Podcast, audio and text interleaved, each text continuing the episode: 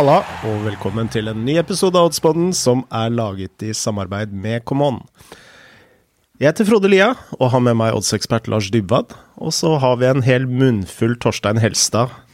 Tidligere fotballspiller og nå fotballekspert. God morgen. God morgen, Frode. God morgen, Frode. God morgen. Tok jeg deg midt i frokosten, Jeg, Torstein? jeg rakk å bli ferdig, altså. Her sitter jeg og spiser en tørr brødskive med kiwi på. Så uh, det var godt, det. Ja, bra. Og du, eh, Lars? Ja, takk. Du, er, eh, du liker å liksom eh, starte sånn utrolig brått. Nærmest sniker deg opp bak oss, og så God morgen, her er det Oddspodden. Det er, det er gøy. Det blir så stiv i kragen når jeg teller ned og gjør som man Ja, egentlig skal gjøre. Ja, vi blir jo vi, er jo, vi har jo skuldrene høyt oppe og er proppfulle av nerver nå i episode 117, eller hva det er. 118. 118. Mm. Veldig bra. Det er ikke verst. Nei, det har vært eh, veldig hyggelig 118 ganger. Det vil jeg si. Mm. Eh, en annen ting som var veldig hyggelig, det var jo sist helgs eh, oddsspill. Eh, det var jo nok en eh, helg i pluss. Ja, Ikke det var det takket være meg, men eh, Nei, det, du tok jo et spill i Latvia-Norge, Frode. Latvia til Altså Latvia pluss 1,5. Og det var jo eh, Ja, det ble 2-0, da. Ja. Hva Tenker du at det var eh, nære, eller? Nei, egentlig ikke. Nei, jeg bare lurte. Jeg, jeg tenker vel egentlig ikke det heller. Få, få det bekrefta av han selv, ja, jeg ser det. Men det skal jo sies at eh, jeg hadde jo over 2,5 i kampen mellom Belgia og Tsjekkia. Den eh, endte 3-0 til Belgia, så den kunne jo ha gått inn, men den snakka du meg vekk fra, Lars. Ja, eller snakka deg vekk. Det, det gjorde du vel helt selv. Jeg bare ga deg en eh, faktaopplysning om eh, Patrick Schicks manglende deltakelse i den kampen. Um, Altså, du tar- ikke den på dine skuldre? Nei, jeg gjør ikke det. Jeg gjør ikke det. Det er Vi googla oss vekk fra den, kan man si. ja, ja. Under sending hvorfor han ikke var med. Det, det kan vi si. Nei, Jeg tar ikke noe ansvar for den, eh, Frode. Men jeg tar ansvar for eh, mitt spill i Accrington Stanley mot uh, Shrewsbury. Jeg klarer ikke å si Shrewsbury. Uh, der spilte jeg 1H til 2-10 odds, og uh, det ble 1-0. Uh, det var en ganske sjansefattig kamp, tror jeg, men uh, som vi var inne på, så hadde bortelaget problemer med å skape sjanser, og de skapte ikke en eneste stor eh, sjanse heller. og Stanley hadde et par bra sjanser og fikk et tidlig mål og vant uh, fortjent, så vidt jeg kan skjønne fra kamprapportene. Jeg fikk jo, fikk jo ikke sett den kampen, uh, selvfølgelig. Men uh, spill inn til 2-10, og Torstein var jo på Exeter mot Forest Green. Målfattig match der.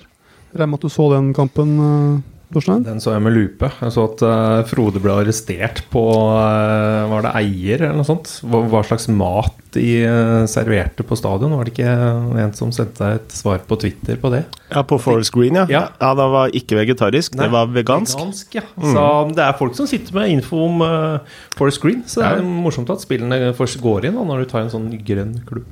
Men det morsomme det var jo at eh, han hadde sin info fra en artikkel jeg skrev for seks-syv år siden. Så, Ok, vi er der, ja. ja det er jo spennende. Det, det går. så eh, ja. Ja, det er morsomt. Nei, nei, det, det er gøy, det. At uh... Så det var heller min hukommelse som svikta. Ja, Ja. er det da.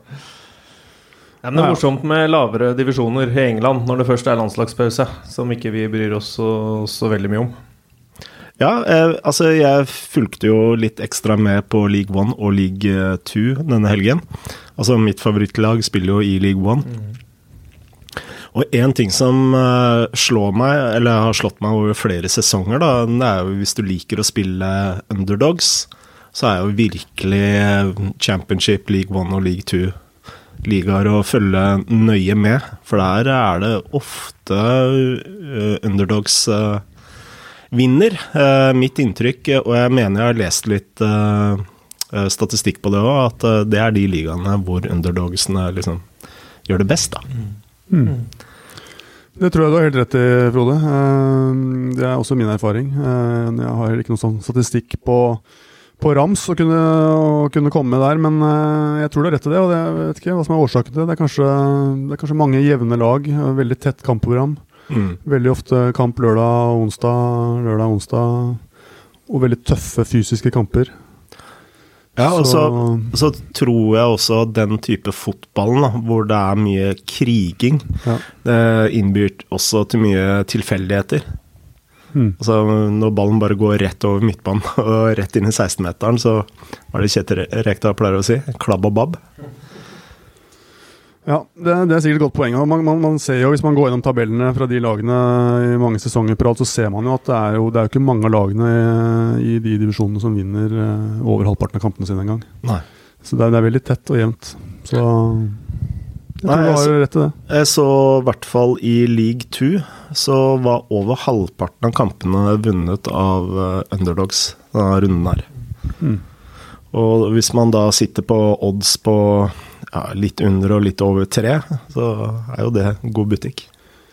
Det er veldig god butikk, og det er også veldig gøy, syns jeg, å gjøre research i eh, League 1, League 2 og kanskje til og med de under der, disse conference-ligaene. For det er, eh, er så mye nydelige engelske lokalaviser med, med stoff og sånne blogger som drevet av entusiaster Ja. på en del av klubbene, som man kan eh, Ja, det er eh, Åssen er det du det er som å gå på en tur i skogen og se nye ting hele tiden. Du lærer så mye gøy og møter så mye søte små dyr. Åssen er det du går fram eh, da, Lars? Nei, Begynner du med å liksom se oddsen, du ser noe stikke seg ut, og så begynner du å gjøre research i lokalavisen, eller Ja, dette er jo noe som hvis man måtte satse litt på de ligaene, så er det noe som går lettere gang for gang. Men, øh, men øh, det er absolutt en metode. Bare se på tabellen. øh, sammenligne tabellen litt sånn kjapt med oddslistene. Se om det er noe som umiddelbart stikker seg ut. mm. Og så er det å google Exeter Newspaper, eksempel. Og da får du alltid opp en eller annen sånn Daily Exeter eller Exeter Herald eller noe sånt noe. Mm. Gå inn, google Exeter blogg, Exeter supporters, Exeter ditt og datt. eh, Sjekke på Facebook eh, osv. Og, så videre, og så kanskje du får noe info som gjør at du forkaster et spill, eller som gjør at du følger det videre. Mm. Eh, det er eh, kan være mye jobb, men jeg, det er jo, jeg syns jo det er kos, og timene flyr jo når man sitter og blar i disse engelske lokalavisene og leser om fortvilelse og håp. Jeg gjør jo det, da. Eh, Altså sitte på lørdagsmorgen, og unga sover, og blar deg gjennom lokalaviser og ja. Jeg, jeg, er jo mest i eh, Spania og Italia og Tyskland og sånt, da. Så det blir jo litt sånn Google Translate, men eh, det er jo gøy, da.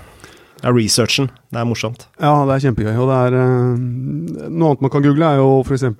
Exeter forum. Det er ganske mange gode forum der ute, hvor, eh, hvor folk som er på stort sett alle hjemkampene, skriver hva de mener og tenker og ditt og datt. Der kan man finne en del god info som man eh, ikke så enkelt får ut andre steder. Mm.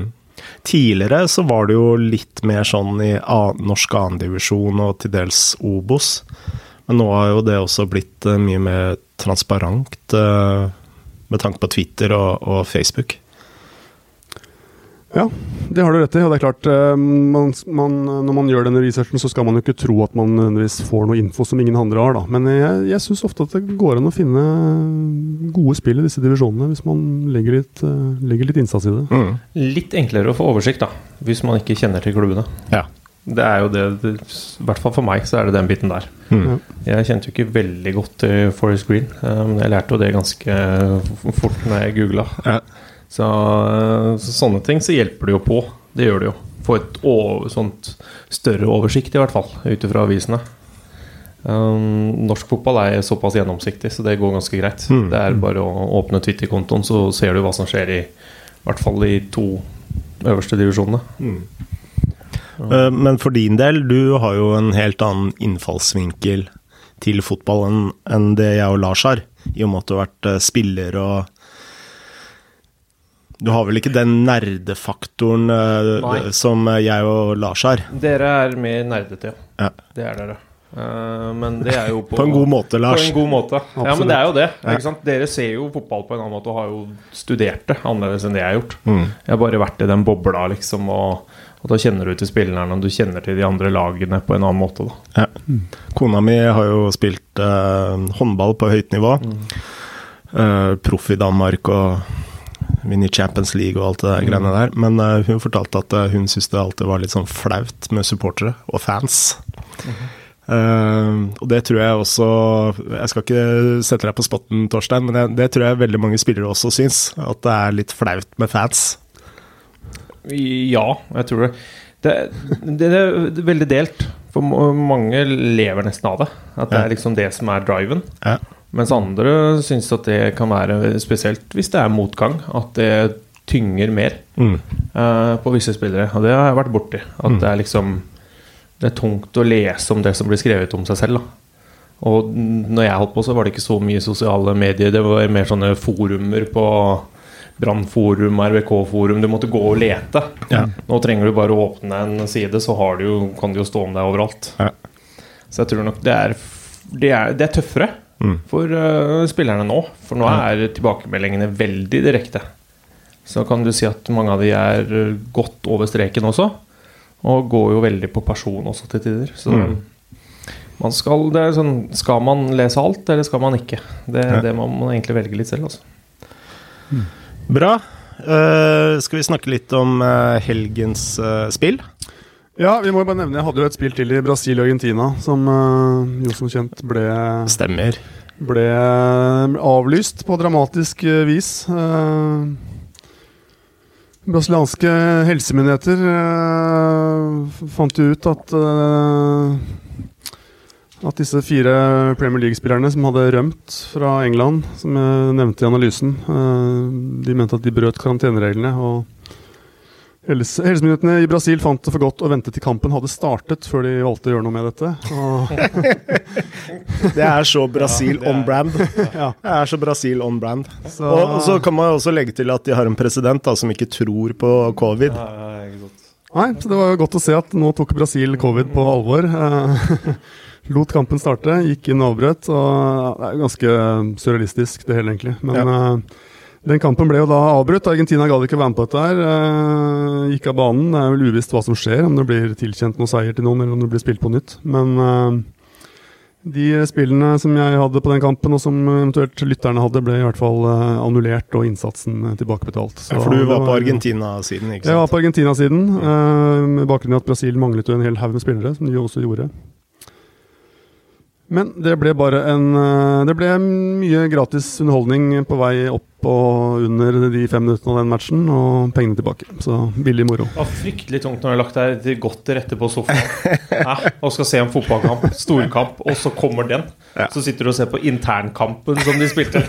Ikke på full bane engang. Herregud, jeg var forbanna. Åh, det var godt jeg hadde en eh, liten boks øl som roa meg ned. Det var tragisk, ass. Jeg må innrømme at eh, jeg er verdens beste programleder eh, til å ikke fullføre mine resonnementer. Men uh, når jeg snakka om do- underdogs i lavere divisjoner, så egentlig poenget mitt var at eh, etter landslagspauser så er det kanskje lurt å, se, ta en ekstra titt på underdogs, eh, Lars. Ja, det tror jeg det kan ha rett i, og det tror jeg ikke nødvendigvis bare gjelder eh, lavere divisjoner. Eh, det er jo veldig mye usikkerhet nå. Denne landslagspausen har vært tøff. Det har vært tre kamper for eh, i hvert fall de europeiske lagene, og også de søramerikanske. Jeg har ikke stålkontroll på de afrikanske, men eh, Og du har jo disse, f.eks. de spillerne som fikk faktisk da lov å dra til Sør-Amerika. Mange av de kommer ikke tilbake før kanskje natt til lørdag. Noen av dem skal spille allerede. Og du har Napoli-Juventus, da, storkamp i Italia. Uh, der har jo Juventus fire-fem spillere som, som ikke kommer tilbake til uh, Torino før uh, nei, fredag kveld tidligst. Så skal de da spille borte mot Napoli lørdag klokka seks. Eh, Napolis keeper, eh, Ospina, fordi førstekeeperen uh, Meret er, heter, er skadet. Han er også på det flyet. Så der har du en hel haug med nøkkelspillere som eh, knapt nok rekker å nå en hotellseng før de skal ut og spille storkamp i Serie A. Og i skrivende stund, holdt jeg på å si, nå skriver ikke vi snakker, men eh, i snakkende stund er det vel uklart også hva som skjer med disse Premier League-spillerne som ble nektet å dra til Brasil, om de ble suspendert av Fifa eller ikke. Siste jeg leste i går kveld, var at eh, nå så det lyser ut for at de kanskje kunne få lov å spille, men den avgjørelsen er ikke tatt når dette spilles inn torsdag morgen, så vi vet ikke om de stiller.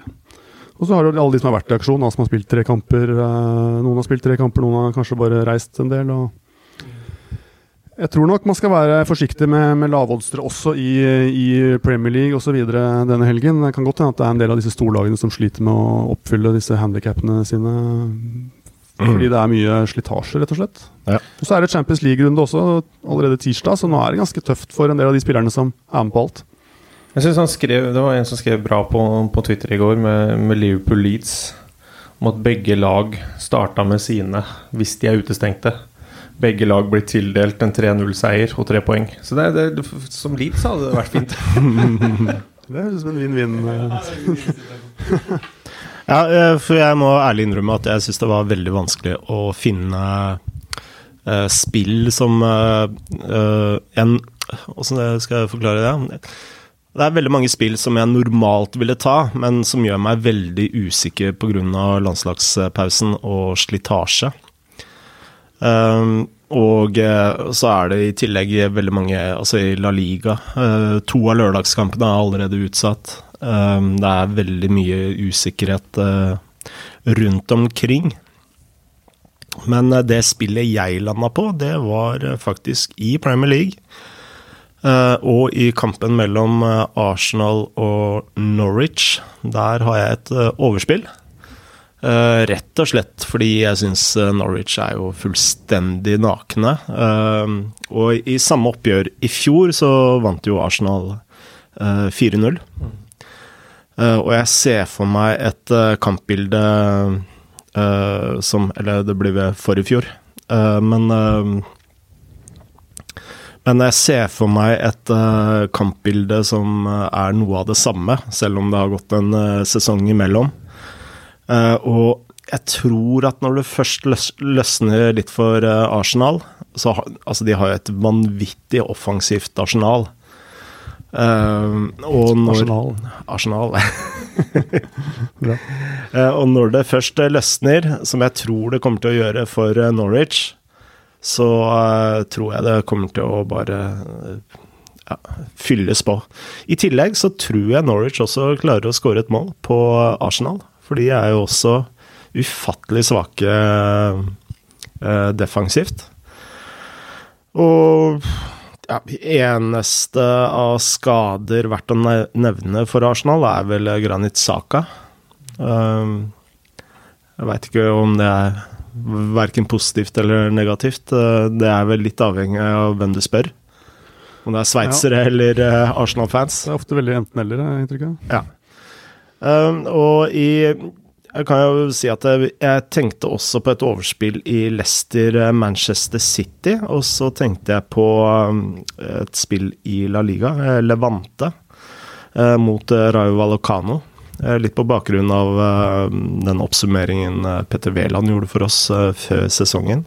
Eh, og Levante er et lag jeg har fulgt litt med i år, og de syns jeg ser veldig bra ut. Eh, jeg tror de kommer eh, til å ende langt oppe på eh, tabellen. Eh, og så var det ganske fin odds òg, rundt eh, 2,10. Eh, så Levante liker jeg veldig godt. Selv om eh, de kun har to uavgjort eh, og en, eh, et eh, tap, så har det tross alt vært mot eh, Real Sociedad og Real Madrid og eh, Cadiz i, i første oppgjør. Så tror jeg de er et eh, mye, mye sterkere lag enn Rayo Vallecano. Eh, I tillegg så så jeg på Sevilla mot Barcelona, men den kampen er da utsatt. Og jeg tror jeg hadde endt opp på Sevilla draw no bet hvis den kampen ikke hadde vært utsatt. utsatt. Og oddsen på over 2,5 mål var eh, Den er på 1,74. 1,74. Skal bare dobbeltsjekke at den ikke har endra seg noe særlig nå. Ja, 1,74. 1,74. Og det syns jeg er en jeg, jeg tror jeg hadde hatt den oddsen på 1,68-ish, tenker jeg selv. Så ja. Spennende. Det er det. Jeg eh, Jeg kan vel ikke akkurat ta en kamp der det har vært så veldig mange eh, spillere som har vært eh, ute internasjonalt, så da er det litt safere. Ja. Men en landslagspause Dette her er vel to lag som egentlig kunne ha tenkt seg ikke hatt en landslagspause, tror jeg. Mm. For jeg har tenkt å ta for meg Haugesund-Sarpsborg. Ja. Og det var jo et uh, først et Sarpsborg-lag som det løsna ordentlig for hjemme mot Sandefjord sist. Eller ikke for laget, men for Kone. Er du på underspill, eller er du på Sarpsborg? Uh, Og så sier han Haugesund. så sier han Haugesund, ja. Nei, i i, min vanlige kjedelige stil, da, så er man litt på, på underspill. Ja. Eh, For du klarer å identifisere dårlige spisser, du. Ja, ja men Nei, men eh, jeg, jeg, jeg så Brann Haugesund, og et eh, brannforsvar som var fryktelig, rett og slett. Uh, og her har du et Sarpsborg som kommer De kommer ikke i 3-5-2, de kommer nok i 5-3-2. På grunn av at de har fire strake tap borte. Mm. Um, de interne uh, oppgjørene, seks siste interne oppgjørene her, så har Sarpsborg skåret fire mål, og Haugesund skåret fem. Mm. Og eh, fire av de har rent uavgjort. Så det lukter jo ikke mål, selv om du har noen eh, I hvert fall Kone som det løsna for. Han kunne sikkert ha tenkt seg at det ikke var eh, landslagspause. Så var det jo diskusjon om at han skulle vekk også, så um, uh, Men det er et uh, Sarpsborg som har slitt veldig borte. Starta for så vidt eh, ok, og så har det vært brutalt i eh, de siste fire oppgjørene. Med fire, fire strake tap. Um, har bare skåret syv mål på bortebane, og det er jo ikke um, kjempemye. Haugesund er vi jo vant til at det er et habilt hjemmelag, og har jo bare ett tap um, hjemme. Så, og det var um, 3-0 for um, LSK. Men da var LSK gode. Det skal de ha for. Um, så Men Haugesund også er vi vant til at uh, underholder. Men de har bare 16 mål på, på åtte kamper. Ja. Så vi er vant til at de uh, skårer mer hjemme. Så og ettersom jeg er vant til å følge litt den head-to-headen, da, i motsetning til dere, så det stinker jo ikke mål. Nei. Det gjør ikke det. Um, så under 2,5 står til 1,95 nå. Um, jeg veit at jeg er inne i en enormt kjedelig stil. Til å være gammel spiss må gå på underspill på underspill. Så man må jo nesten håpe at det ryker. Men det sitter jo. Ja, det sitter jo. Det gjør jo det. Husk, at uh, du er jo ikke bare en uh, gammel uh, stjernespiss. Du er jo også forretningsmann med pengeteft. Ja. Så ja. Du har jo vunnet alle spillene dine siden, siden EM, så Ja, det, om det er kjedelig eller ikke, det får lytterne Ja, avgjøre. det får lytterne avgjøre. Men uh, når vi først er inne og diskuterer, så ryker det kanskje her Nei, men jeg, jeg er litt sånn av Sarpsborg som når du står med tre, nei, fire strake, ja. så skal du ned og forsvare deg. Jeg tror det kommer til å se ut som en mer femmer bak Mm. enn uh, 3-5-2. ja. Um, har de fått inn Molins sammen på topp med, med Kone, som kan avlaste litt. Mm. Det har vært uh, problemet deres med at de ikke skårer mål. Ja. Eh, og Haugesund er ok, eh, er ok hjemme. Ja. Men eh, jeg tror det er litt mer stillingskrig, og så er ikke dette her de mest målrike oppgjørene fra før av heller. Så, og så har du en landslagspause, du skal dra det i gang igjen litt. Mm. Så jeg ser for meg en litt sånn seig første omgang, i hvert fall. Så jeg er redd det havner der. Seig første omgang, Lars. Ja, var det, var det et stikkord til noe spesielt smart, jeg skulle si? Eh, Jeg følger jo kanskje dårligst med på norsk fotball av eh, ikke bare oss tre, men av, eh, i, i mange forsamlinger. Så Ja. jeg har ikke egentlig noen sånn stor kommentar til det, men det er vel ikke umulig. Sarpsborg er vel et kunstgresslag òg, er det ikke det?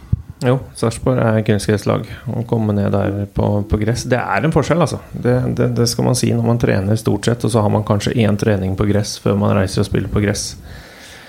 Og det har jo også kunstgress eh, De som spiller på kunstgress, sagt når de kommer på gress, at eh, da kommer krampa før, og det er en helt annen belastning. Så Mm.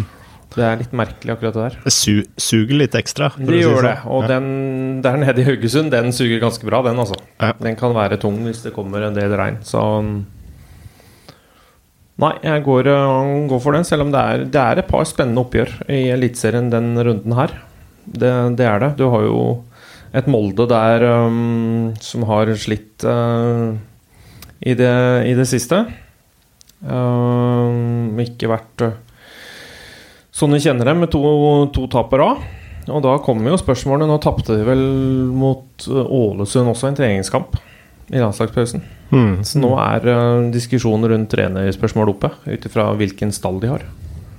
Ja. Så at det murrer litt der når Bodø-Glimt har tatt dem og gått forbi dem, det er litt sånn Ja, vi får se. Nå skal Mjøndalen opp der. Mjøndalen har klart å forsvare seg og tatt skalper før, de på bortebane. Så Tenker du Sarpsborg eh, begynner å bli litt uh, safe nå, eller? Altså det er 13 og det, altså Mjøndalen på kvalik er nå på 13, og de har nå 20 poeng. Sarpsborg er nok sånn Ja, det er farlig å si sånn safe allerede. Men uh, de fleste forventer jo at, uh, at Molde slår Mjøndalen. Uh, det skjer nok. Mm. Og Viking også er jo en, um, en favoritt borte mot Stabæk. Og så veit man jo aldri hva man får av Brann mot Lillestrøm. Men Lillestrøm har jo vært øh, bunnsolide. Ja.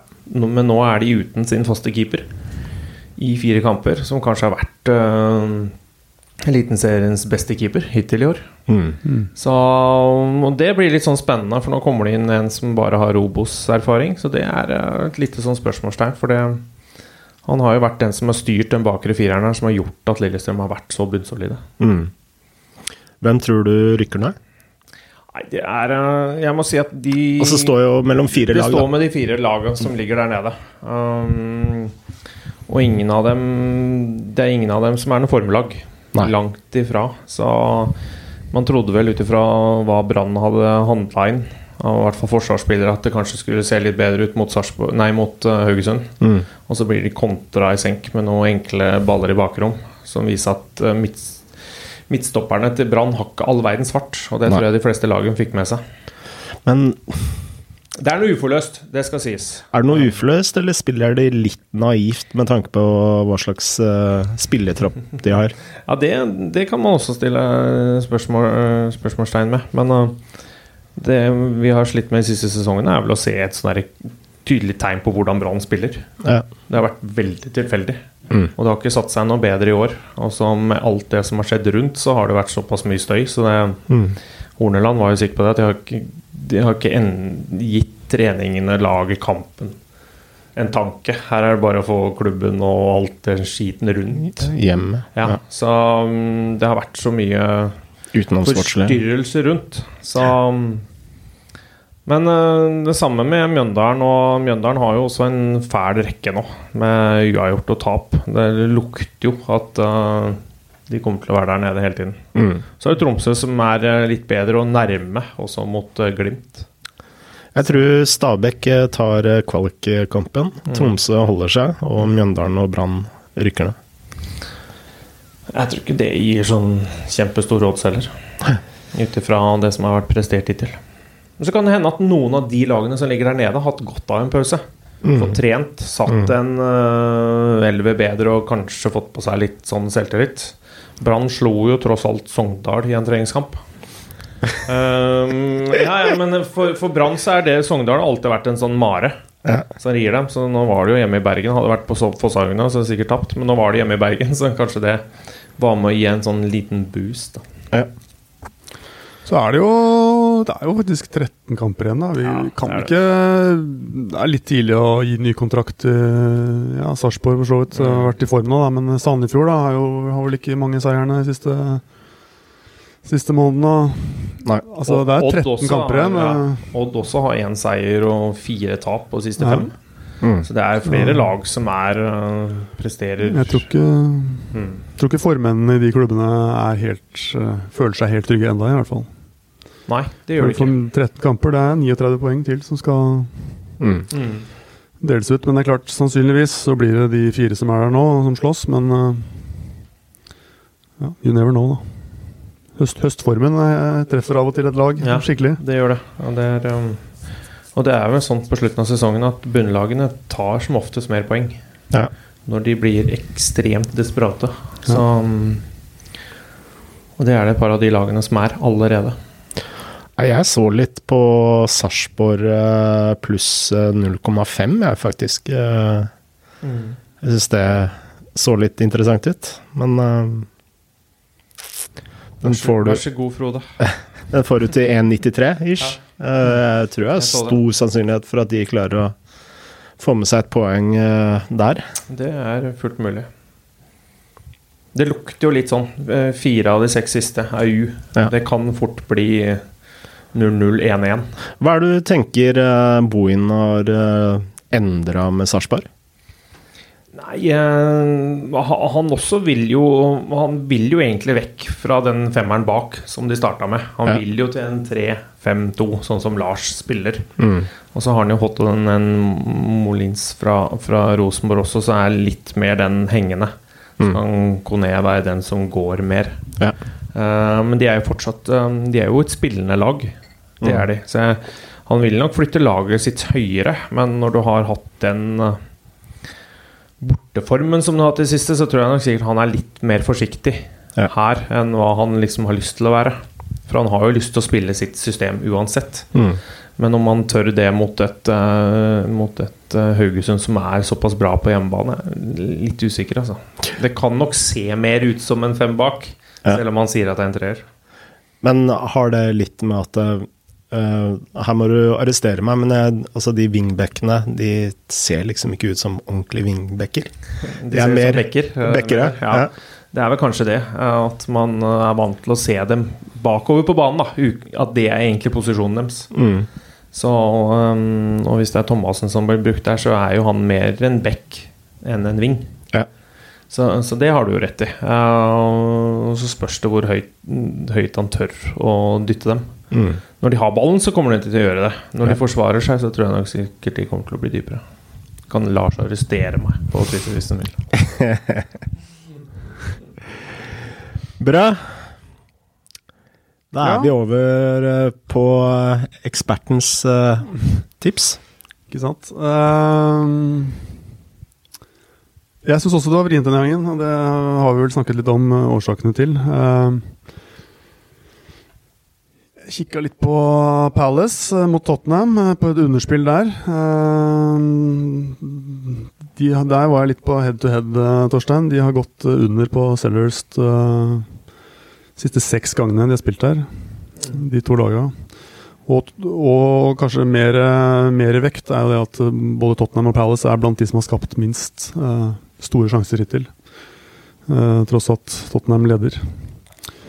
Uh, jeg tror også at Tottenham er kanskje litt overvurdert nå, men uh, ja. Vurderte et underspill der. Jeg vurderte også et underspill i Manchester United mot Newcastle. Der får du over to i odds på under 3,5 mål, ikke 2,5 som jo vanligvis er. Eh, det er klart, eh, de oppgjørene ender ofte målrikt, og, men, og det er en, sikkert en forventning der om at Ronaldo skal komme inn og skåre 25 mål i første kampen han spiller. Men eh, United har mye skader, for én ting. Eller mange i hvert fall en del usikre kort, med Sancho, Rashford og, og McTominay. Og det er mange usikre der. Fred blir jo da usikker pga. dette røret rundt brasilianske spillere.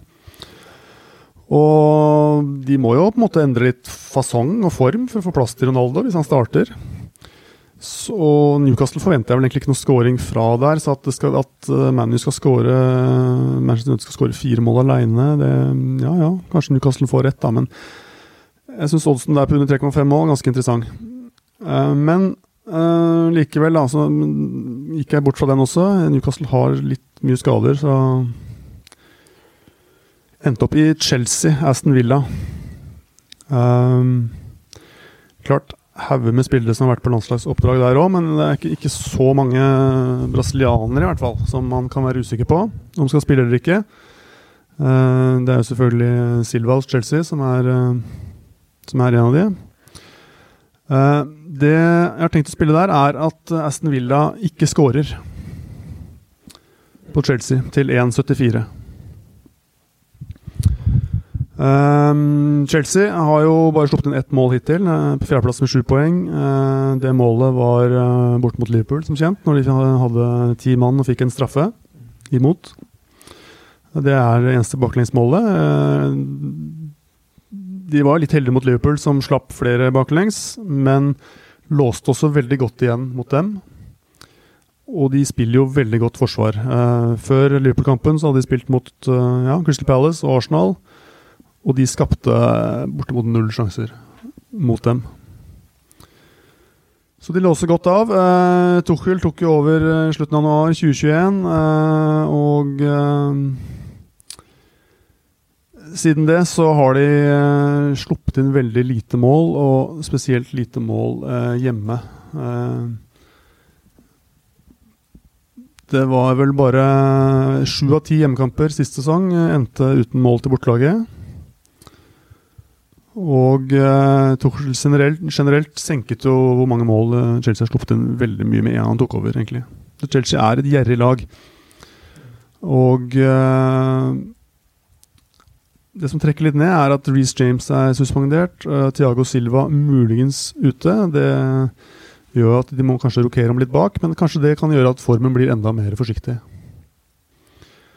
Så er det Villa. De har fått en grei start med fire poeng uh, fra tre kamper. Uh, og de har skåra i de kampene, men de har møtt Watford og Brentford, da, som er uh, ikke noe forkleinelse om de, men de er jo nyopprykkede begge to, og de har møtt Newcastle.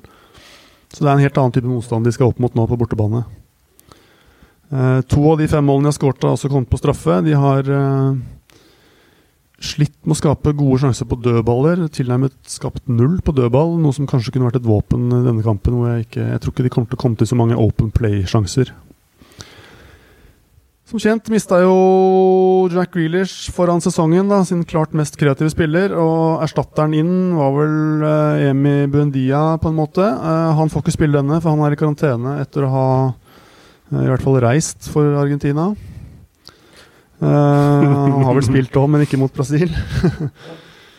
Så han er i karantene ute, og det er også Villas keeper, da, Martinez, uh, som også er en argentiner. Um, Villa har også en håndfull andre spillere usikre med skader og covid. Så er det Danny, Danny Ings, selvfølgelig. Mest målfarlige spilleren på Villa. Kanskje den største trusselen mot det spillet her. Han skåra mot Chelsea sist sesong. Han har gått litt igjennom han. Han er gjerne en spiller som skårer mest mot de litt svakere lagene enn en det Chelsea er. Uh, bortsett fra Tottenham, da. Han pleier å skåre mot Tottenham. en lang grunn.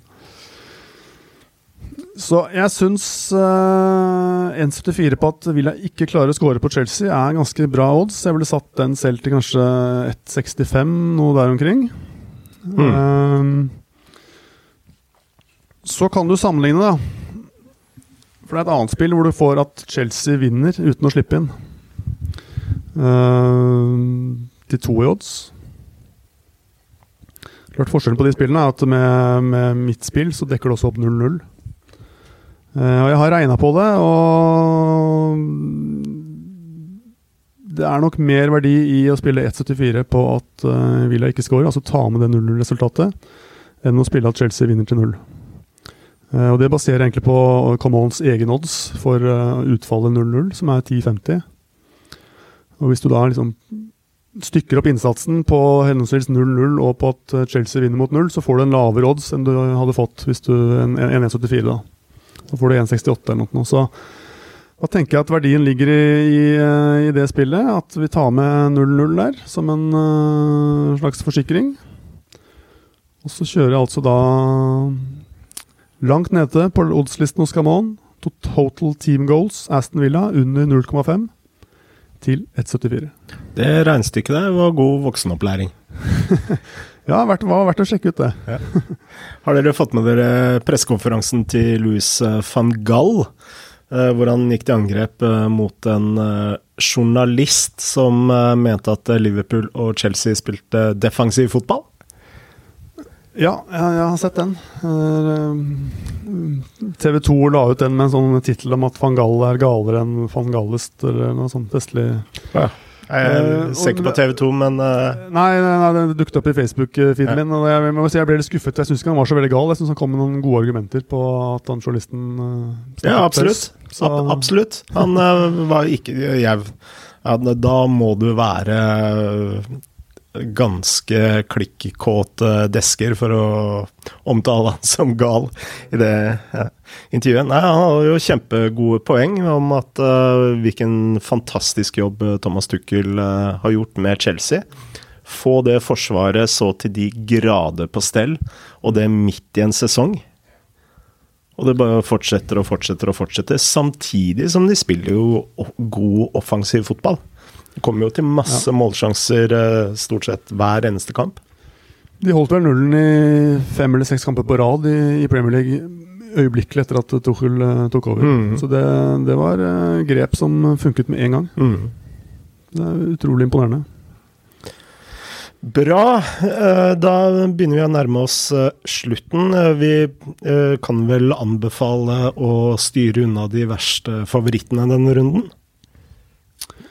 Ja, det tror jeg er lurt. Eh, Jeg vurderte et spill på, på, på, Chelsea, eh, på Chelsea med handikap også, men, av- men av disse, all denne usikkerheten rundt eh, landskamper, spilleform, eh, Champions League-kamper som kommer nå til uka Ja.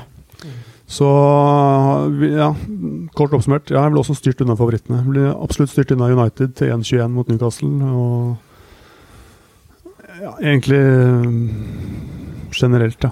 Store favoritter. Syns jeg er skummelt.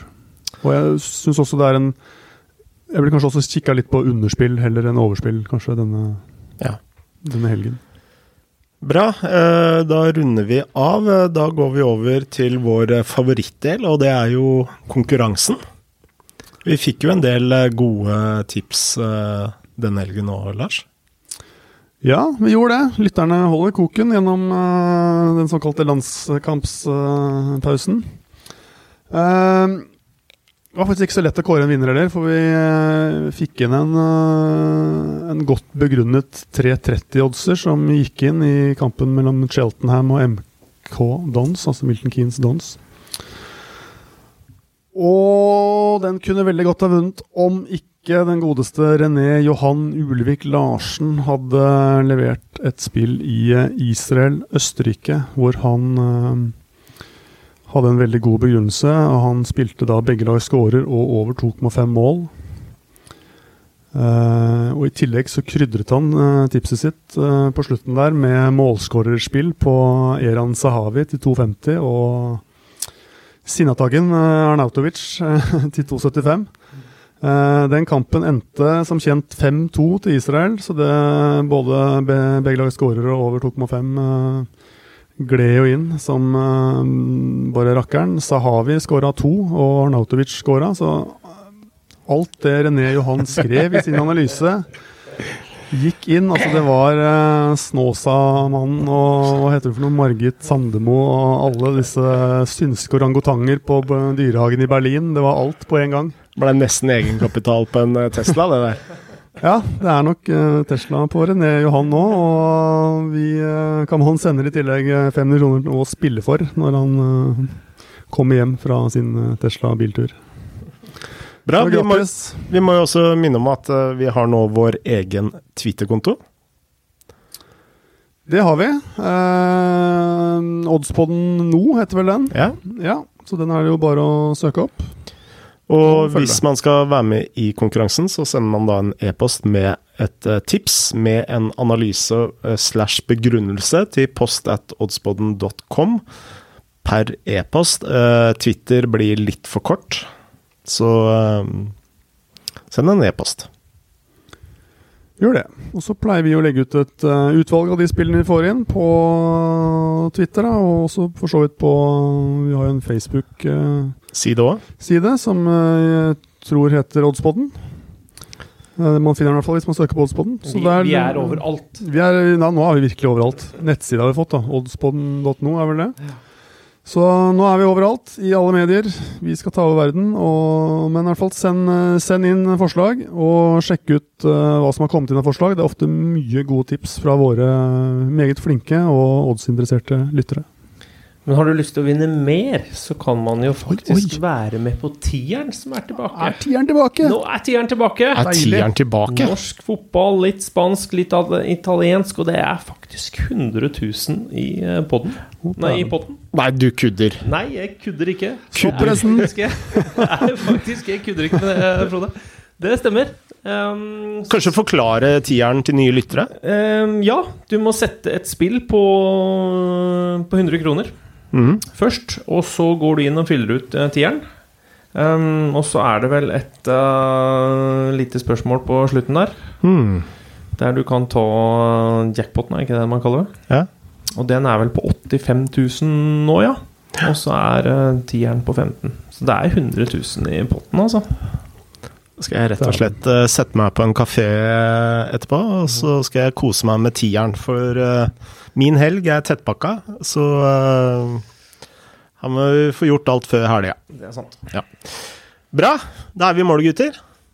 Strålende. Eh, og til neste uke så får vi bare si som vi vanligvis sier her på Oddsboden. Lykke til. Og uh, god helg. God helg!